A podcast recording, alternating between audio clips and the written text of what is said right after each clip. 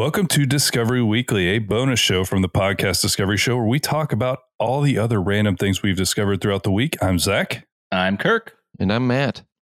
and I don't know if you guys have been watching any Winter Olympics, but I found some unusual Winter Olympic sports that did not make the cut. um, they were, I think all of these were in the Olympics at least one year, but that was it in many cases.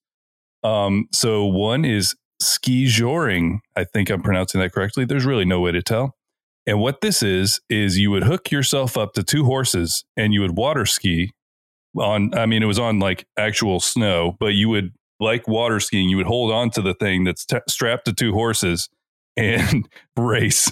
And so, I mean, it sounds kind of awesome. They actually said it only had one Olympic appearance and it was all good. I think, I don't think it ever really caught on, like people weren't about it. But if you would like to participate, it is a niche sport in Scandinavia, Switzerland, and the American West. If you would like to try out, I guess Ski skiing, skiing behind uh behind horses. You know what I would watch though, and should be in the Olympics, is horses racing on skis. I, w- I would watch that, but I would be terrified that something terrible was going to happen to the horses. Yeah, it's like NASCAR. Okay. you hope Yeah, there's a crash. and then there's sled dog racing. So it's it's exactly what you think it is. I did a ride, anything cool. like that. That'd but cool it watch. didn't stick for Olympics. But yeah, it's so interesting how that how all that works. I actually thought about doing. I saw I, I can't remember it was something on Reddit that was about like how many calories ski dogs burn, and it's like they're insane athletes, and so it's a it's a cool thing. Then there's one called ski ballet, which is um, figure skating, but you're on skis. And the video that, or the picture they have here, I'll, I'll put it in chat too. I'm looking at it. Um, by the way, we'll we'll say this again just for everybody to know. We stream this, and we have not been consistent on when we're streaming. to be fair, Or when we record. we're working anything. we're working on that. But if you follow us on our socials, we always put it there, so you can you can check out stream and come hang out. But yeah, ski ballet is dancing while on skis, and I'm seeing someone just doing a flip somehow. I don't even begin to understand how you could do that. Weirdly, it looks like they're like holding themselves up with their little like the Ski what do they call those things? Ski poles. There you go. Um, obviously, it's probably not what's happening, but it looks that way. But yeah, they, Oh. they tried this one, but it never really stuck. So it basically, the last International Ski Federation Ski Ballet World Championship was in 1999. So this one's kind of niche. This one I would watch speed skiing, which is exactly what it sounds like. You see how fast you can go on skis. Um, they had a 59 degree Oh grade in a straight line. Um, the records were 142 miles per hour That is um, insane. and, and 136 miles per hour. But there was shockingly a fatal accident on this when a 27 year old hit something and then Oh. died of injuries because you can't be going 140 miles an hour on skis and hit something, My anything. God. Ah. So this would be an amazing one. I don't know that there's any way to safely do it, but if you look at it, they have these weird suits and a weird helmet that just makes you like a bullet shooting down the mountain on skis. It's very 80s slash Yes. early 90s. It is. There's one Yeah. called Bandy, which is a hybrid of hockey and soccer. Uh. And so this gained popularity in Scandinavia and Russia after spreading to continental Europe. And then you play on ice sheets the size of a soccer field. It's 11 skaters who wield long handled sticks with curved blades to handle a hard ball, not a puck. So it's essentially hockey, but with a lot more people, and it's a ball not a puck. It's like field hockey, but in snow. Yeah. Yeah. It- it- I feel like hockey. the more I learn, about Snow it, the more hockey, but different. I am. But yeah, so this one has not been popular for a long time, but it's just generally interesting. well, this, one's called weird. Military Patrol. What does that even Um, mean? this is soldiers competing at the inaugural Winter Olympics in 1924 in a medal event straight out of boot camp, Military Patrol. Four man teams included one officer, one non commissioned officer, and two privates wearing uniforms and 50 pound backpacks. The event combined 30 kilometers of cross country skiing, mountaineering over hundreds of meters of elevation, and rifle shooting at balloon targets. First of all, this sounds kind of sweet. I would watch this one. This sounds wild. Um, while officers carried pistols, the other three team members fired 18 shots at various intervals along the course and earned time bonuses for every target hit. Six countries competed in the 1924 military patrol competition in, I don't know how to say this word, France, uh, with Switzerland winning the gold medal. Um, it returned in 28, 1936, 1948, but as a demonstration. And there is a legacy here because the modern biathlon is Yeah. fairly close, but minus the like specific militariness of it, I guess. By the way, I thought when you said I don't know how to say this and then said France, I thought you didn't know how to say France. I was That's like, the what? joke, Matt. Oh, No, the first one is Sha Shamo. I don't know how you say Nix in French. That's that's the sound that Michael Jackson makes. Shalmonix. Shamonix. I don't. I don't know. That's not. I'm sure that's not how it's pronounced, but that's what it is. Um. so curling wasn't there in 36 and 64. So there was something called ice stock sport. Um, its alpine cousin. Uh, I guess ice stock sport is the translation and not a very good one. There's no. There's no fun to that name. Um, but it was known as Bavarian curling, and it's been played for centuries in Germany, Switzerland, and Austria. Similar to curlers, competitors grip the handles of the round ice stock, which weighs nearly 10 pounds, and swing it back and forth before releasing it onto the ice while attempting to come closest to a target. A rubber disc called a daub or cover the long distance. I don't know. Oh, that's the it's the target. Okay. oh, Eight all male teams from Germany, Austria, and Czechoslovakia participated in the 36 Olympics, and the Austrians won. And then the last one is Winter Pentathlon. Um, it's one of the most grueling Olympic events, and it had a frosty counterpart in the 1948 Olympics.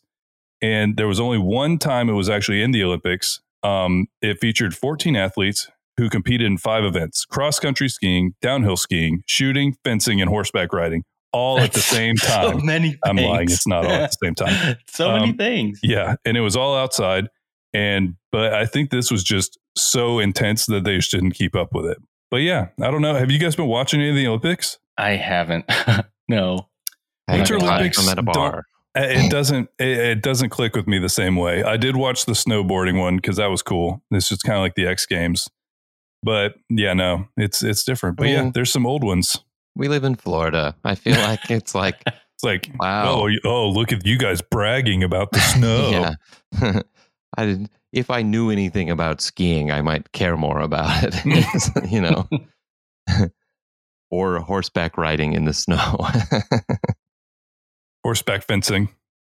yeah. So I love when um like a robber or somebody is is so prolific that they get like a nickname.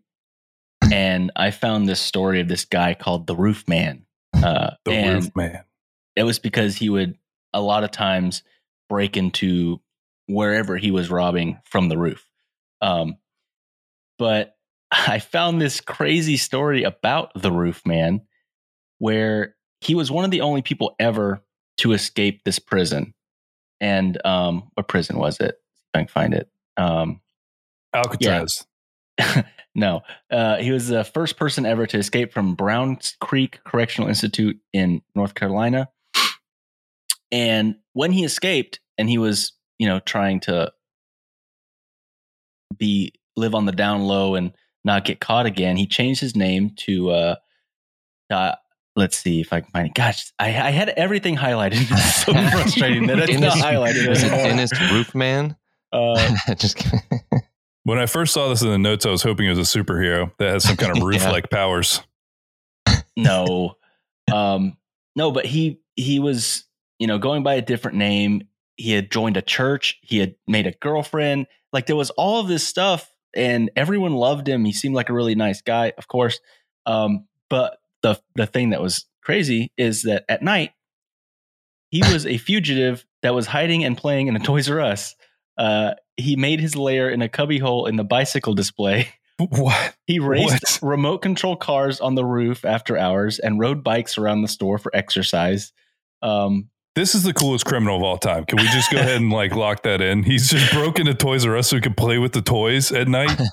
he even monkeyed with the employees' work schedules, and his diet included stolen baby food.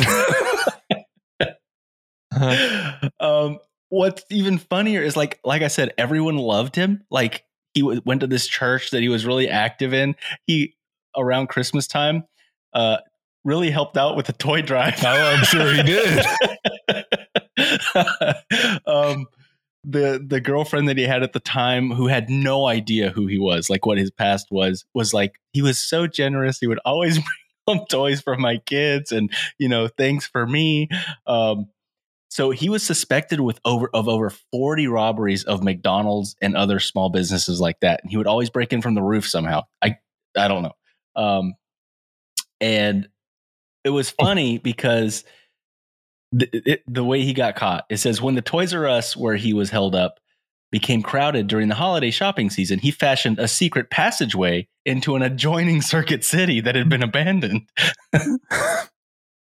he had built a cubicle out of sheetrock under a stairwell. He painted the walls, put up posters and action figures. He mounted a toy basketball hoop and watched Spider Man and other movies on DVD player that he had stolen from Toys R Us. What in the world? Even crazier, he installed baby video monitors from his cubicle into the Toys R Us so he could see what was going on in the store. Oh, he set up a security system. Sure. Yes. He had a security. It's it's a crazy story and it's great. Um, so the thing that tripped him up is this whole time he ended up also planning on robbing the Toys R Us. he was just Um, waiting to get around to it. so this is what reminded me of like it reminded me of uh Home Alone 2 when the bad guys stay in the little playhouses at the toy store so they could rob the yeah. the toy store. um so he attempted to rob the store and he had a gun and everything. He said um so he attempted to rob the Toys R Us on December 26th, literally just like the the movie I'm talking about. Like day after Christmas, they've got all the money from the you know the Christmas rush. And he's trying to rob the store. Uh, two employees ended up slipping away, which forced him to flee through his secret door. And then when the police like were looking for him, they found his hideaway and clues to who he was. So he actually got away. He got away from the cops, didn't get caught. But what happened was when the cops started putting his face everywhere, everyone from the church and his girlfriend were like, wait, that's so and so that helps out so much in Here's- the toy drives. Why did he not just rob them overnight?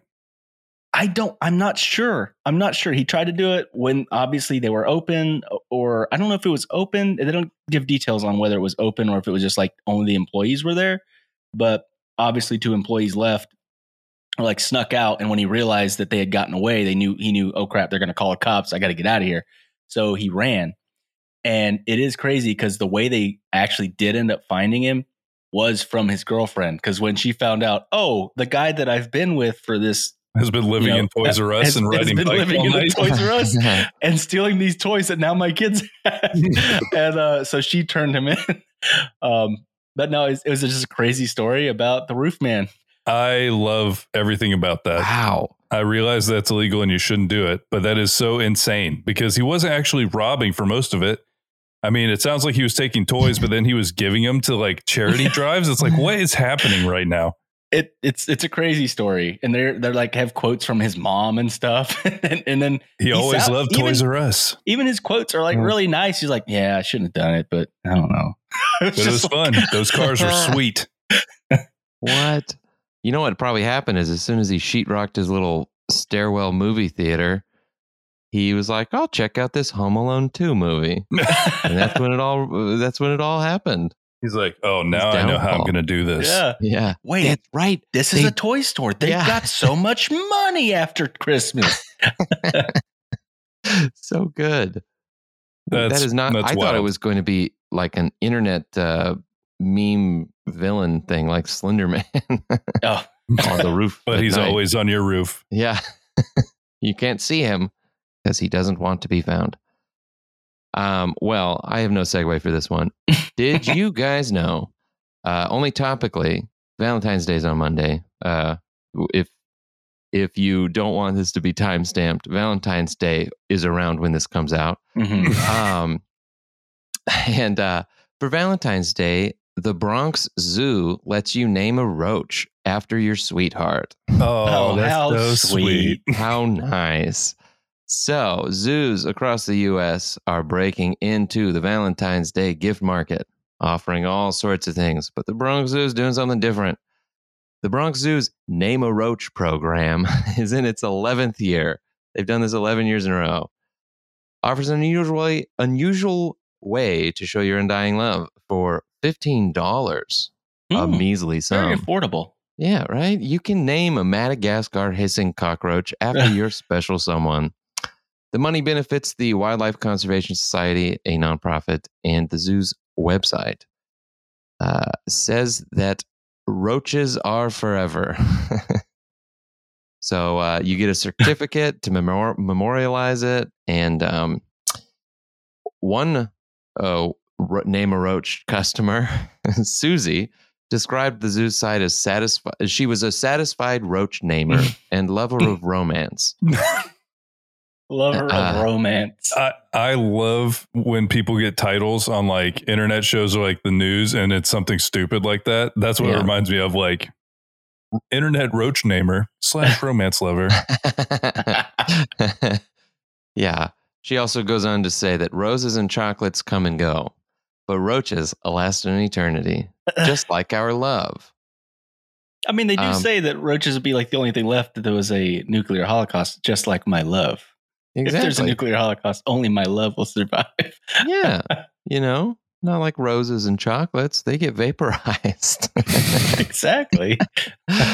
um, there are other zoos that are in on the trend of naming stuff. Uh, you can get uh, Name a Roach pin for $10 from the Houston Museum of Natural Science. There is a Build a Bear is selling Valentine's Day stuffed animals. That's not that. that's not the same at all, folks. No, it's not. It's not. You not can really. name a Build a Bear after your loved one. Couldn't you already yeah. do that? yeah. Technically, you can name it whatever you want. There's no rules on it. There's no rules. There's no rules with naming, Just right. guys. You can name a thing whatever you want. That's what I really wanted to know. Like to naming a talk about. star after uh, after your loved one too. That's the whole thing too. yeah. Yeah. I knew a guy that did that. And boy, uh, in high school, and as you might imagine, they're not together anymore. And I like, imagine knowing a star up there is named after the person that you don't like anymore. Somebody needs to make a service to just unname things. Like I'm going to go back to them and I'm going to unname that ex girlfriend star. Unname a roach. I like that. Uh, for a measly sum, we will take your roach to the courthouse, change its name Legally. officially. um, there's a San Antonio Zoo that's also doing a uh, it's called Cry Me a Roach fundraiser, and it's named after the ones who really made 2021 difficult. what? I don't know. Okay. Uh, you know, uh, Texas Zoo offers a selection of living things to name. It costs five dollars to name a leafy green, ten dollars for a roach, and twenty-five for a rodent. And warning: this next part may not be for everyone. Those who upgrade their, their donation can watch a video of their newly named creature being fed to an animal. Oh no! Oh, what? What? Okay, I was not expecting that twist ending there. No, I wasn't either. Okay, see, that's Uh. what you do for ex girlfriends. You name a See, like a mouse after it and feed it to a python. Exactly. Exactly. Oh, this is great. Oh, that A seems Ne- vindictive. Even You'll like even then. one. a Nebraska Humane Society's litter box promotion isn't far from San Antonio's. Uh, for fifteen dollars, the organization will write an X's first name at the bottom of the litter box.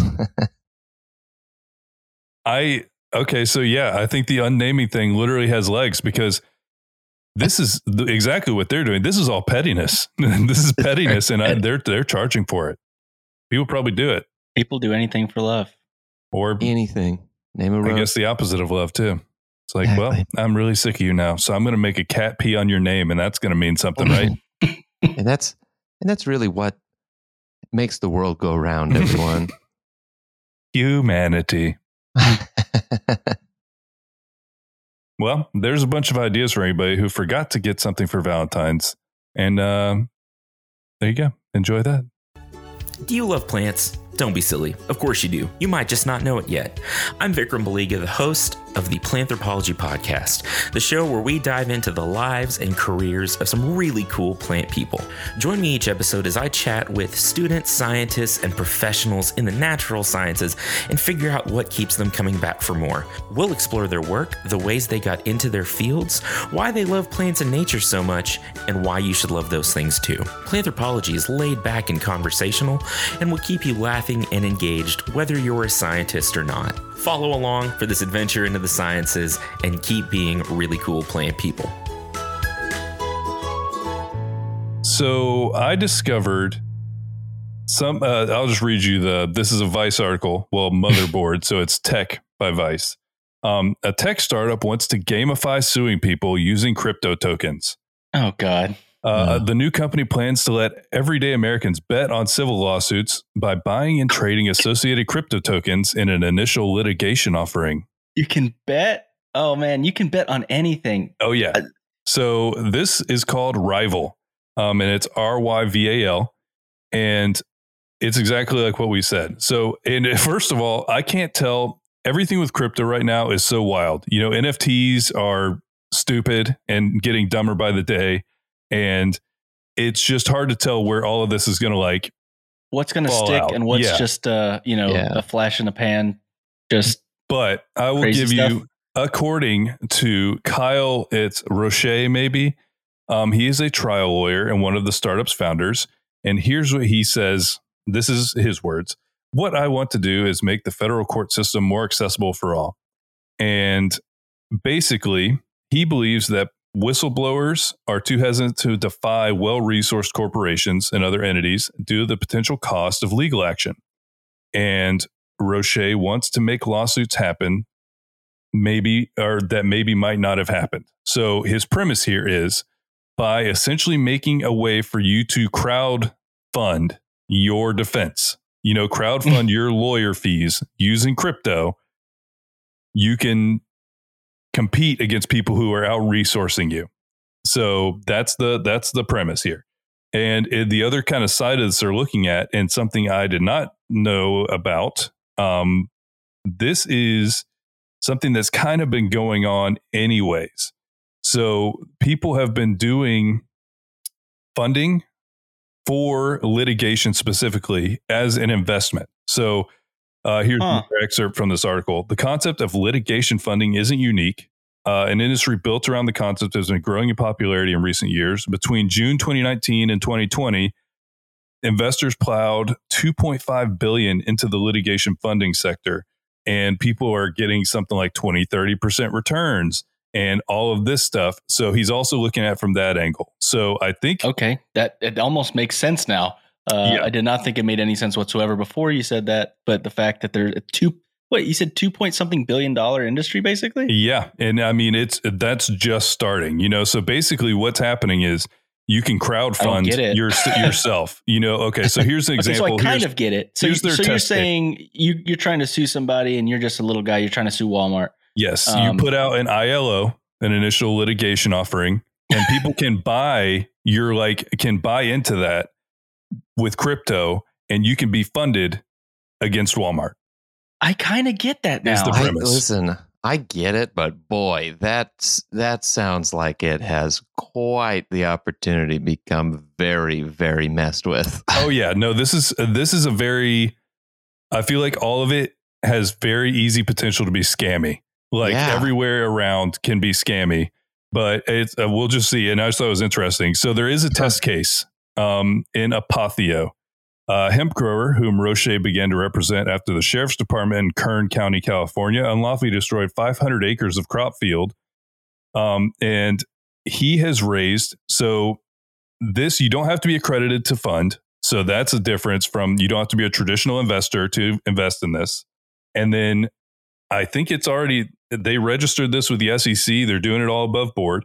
It it required that they raised hundred dollars, but this hemp grower raised three hundred fifty thousand dollars, um, and basically jump started his case.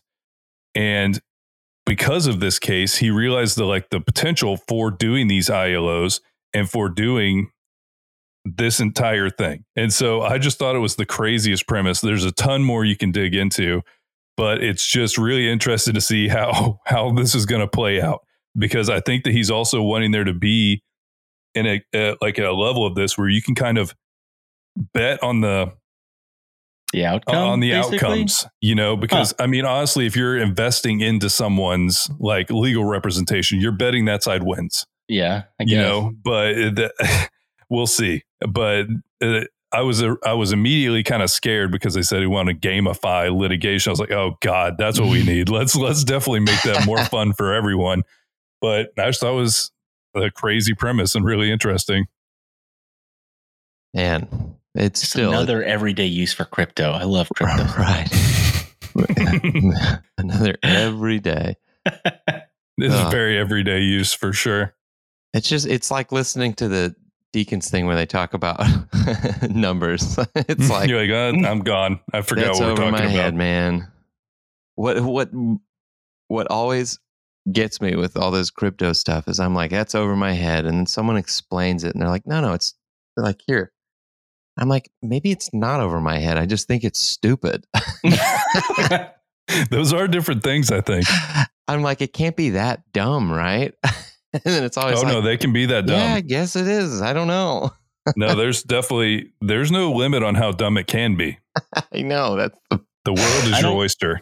I don't so understand strange. why you're not a billionaire already, Matt. Just go make some NFTs.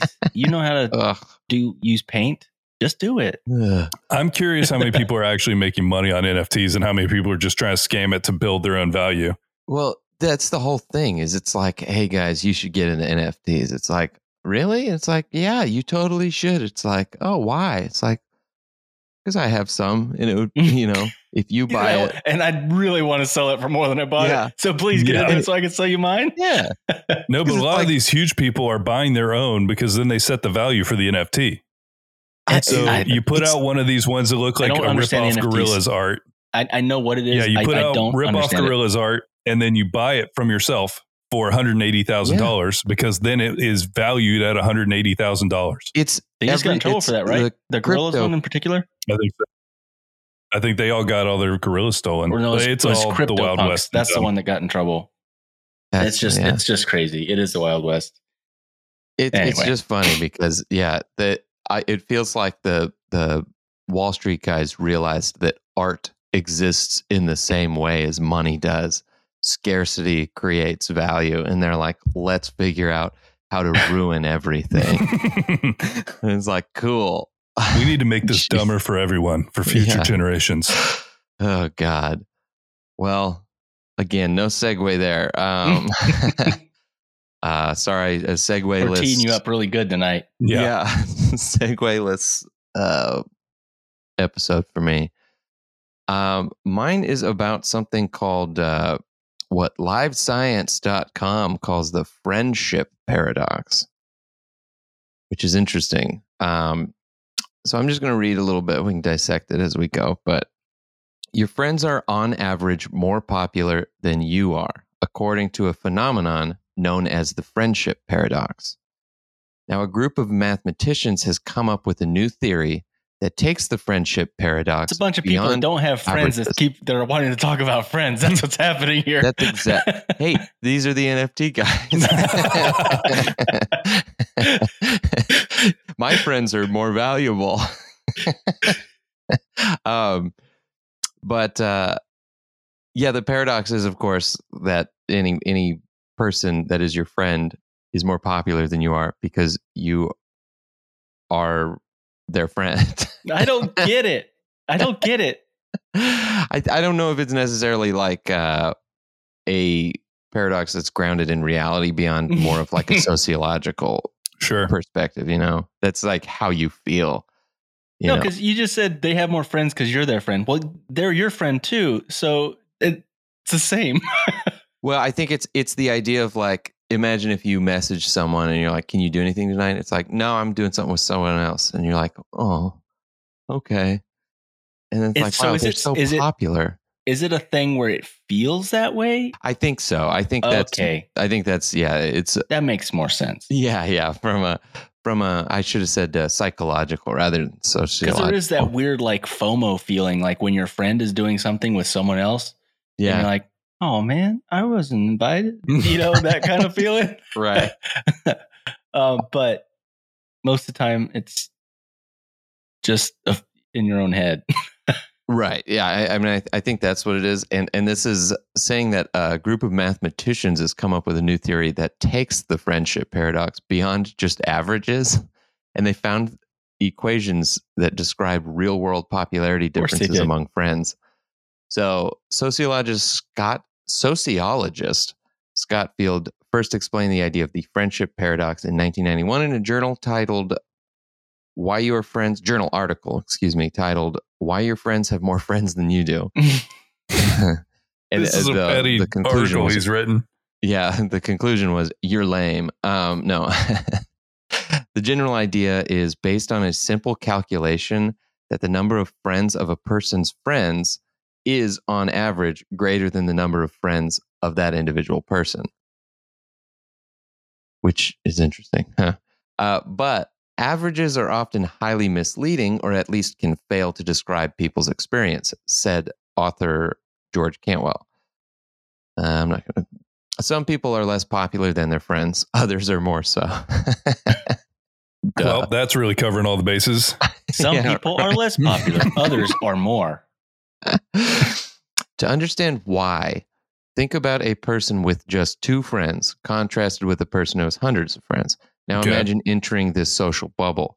Mm. You are more likely to be friends with the social butterfly than the wallflower, simply because there are more chances that you are one of the hundreds of the social butterfly's friends than one of the wallflower's two best buds. Yeah, no, I'm in my imagination. Oh. I'm standing next to the Okay. guy that's in the back corner. So it's I'm basically him. saying that for the most part, your friends, the people you meet, you met somewhere.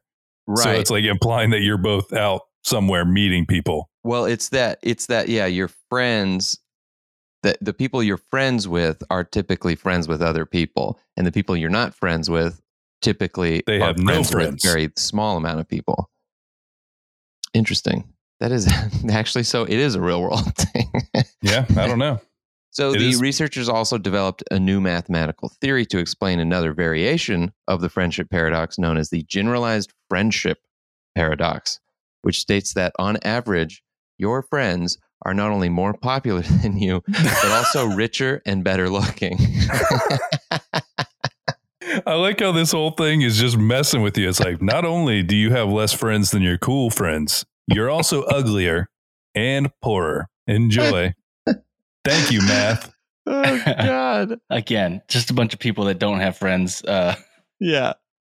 This does making an sound like equation about why they don't have friends. yeah, this is research done by a severely depressed individual. He's like, I need the math to tell me why I'm terrible and Yeah. why everybody is richer and more beautiful and has more friends. I just like love that he's doing an equation. He's like, oh shoot, I'm ugly. I need to include this in Oh. the statistics. Yeah. X carry the one minus two. Oh no. Oh God, I I'm suck. less I'm I look worse than my friends. No, and I mean the sure way to be depressed is to prove that you are uglier, have less friends, and are poorer than all your friends with math. That's how you get There depressed go. right there. There you go. well, then you're Um, quantifying it at least. Yeah, you at least know Yeah. that there's some basis to it. You're like, okay, so this is just how it is. It's how the Ah. universe works. So Well, that well, whole thanks, thanks, Matt. Now Thanks, I'm sad. Matt. Now Yeah, yeah. everybody is going to have a terrible weekend. so basically the more popular, richer and better looking thing is based on the assumption that popular people are more likely to be those things. You know what? The more unpopular people. popular, more like rich and better looking people are doing, not making freaking equations about. Uh, oh man. uh, Well, all right. That was our discoveries for the week. Somebody say something else. I love I love when you take it. I love when you take it because you never know where to go with it. All you have to do is be well, I thought you were gonna help. No one helped Those me. No, I just- just stared at me. I, I almost just said those were our discoveries of the week. I know I like right. Would've I like yes. just looking at you a lot better and just seeing what happens, what oh. falls out. I'm all nervous and sweaty now because I didn't know where to go, what to say. No, God, it's hate it like literally like all I do is like, well, thanks for listening. Bye, everybody. I guess right, well, that say worked that. for us. Say it right now. I just did. I'll say it again. Thanks for listening. We will talk to you again next week. Bye. Bye. Bye. Bye. This was a podcast from the Podfix Network. You can check out more shows like it at podfixnetwork.com.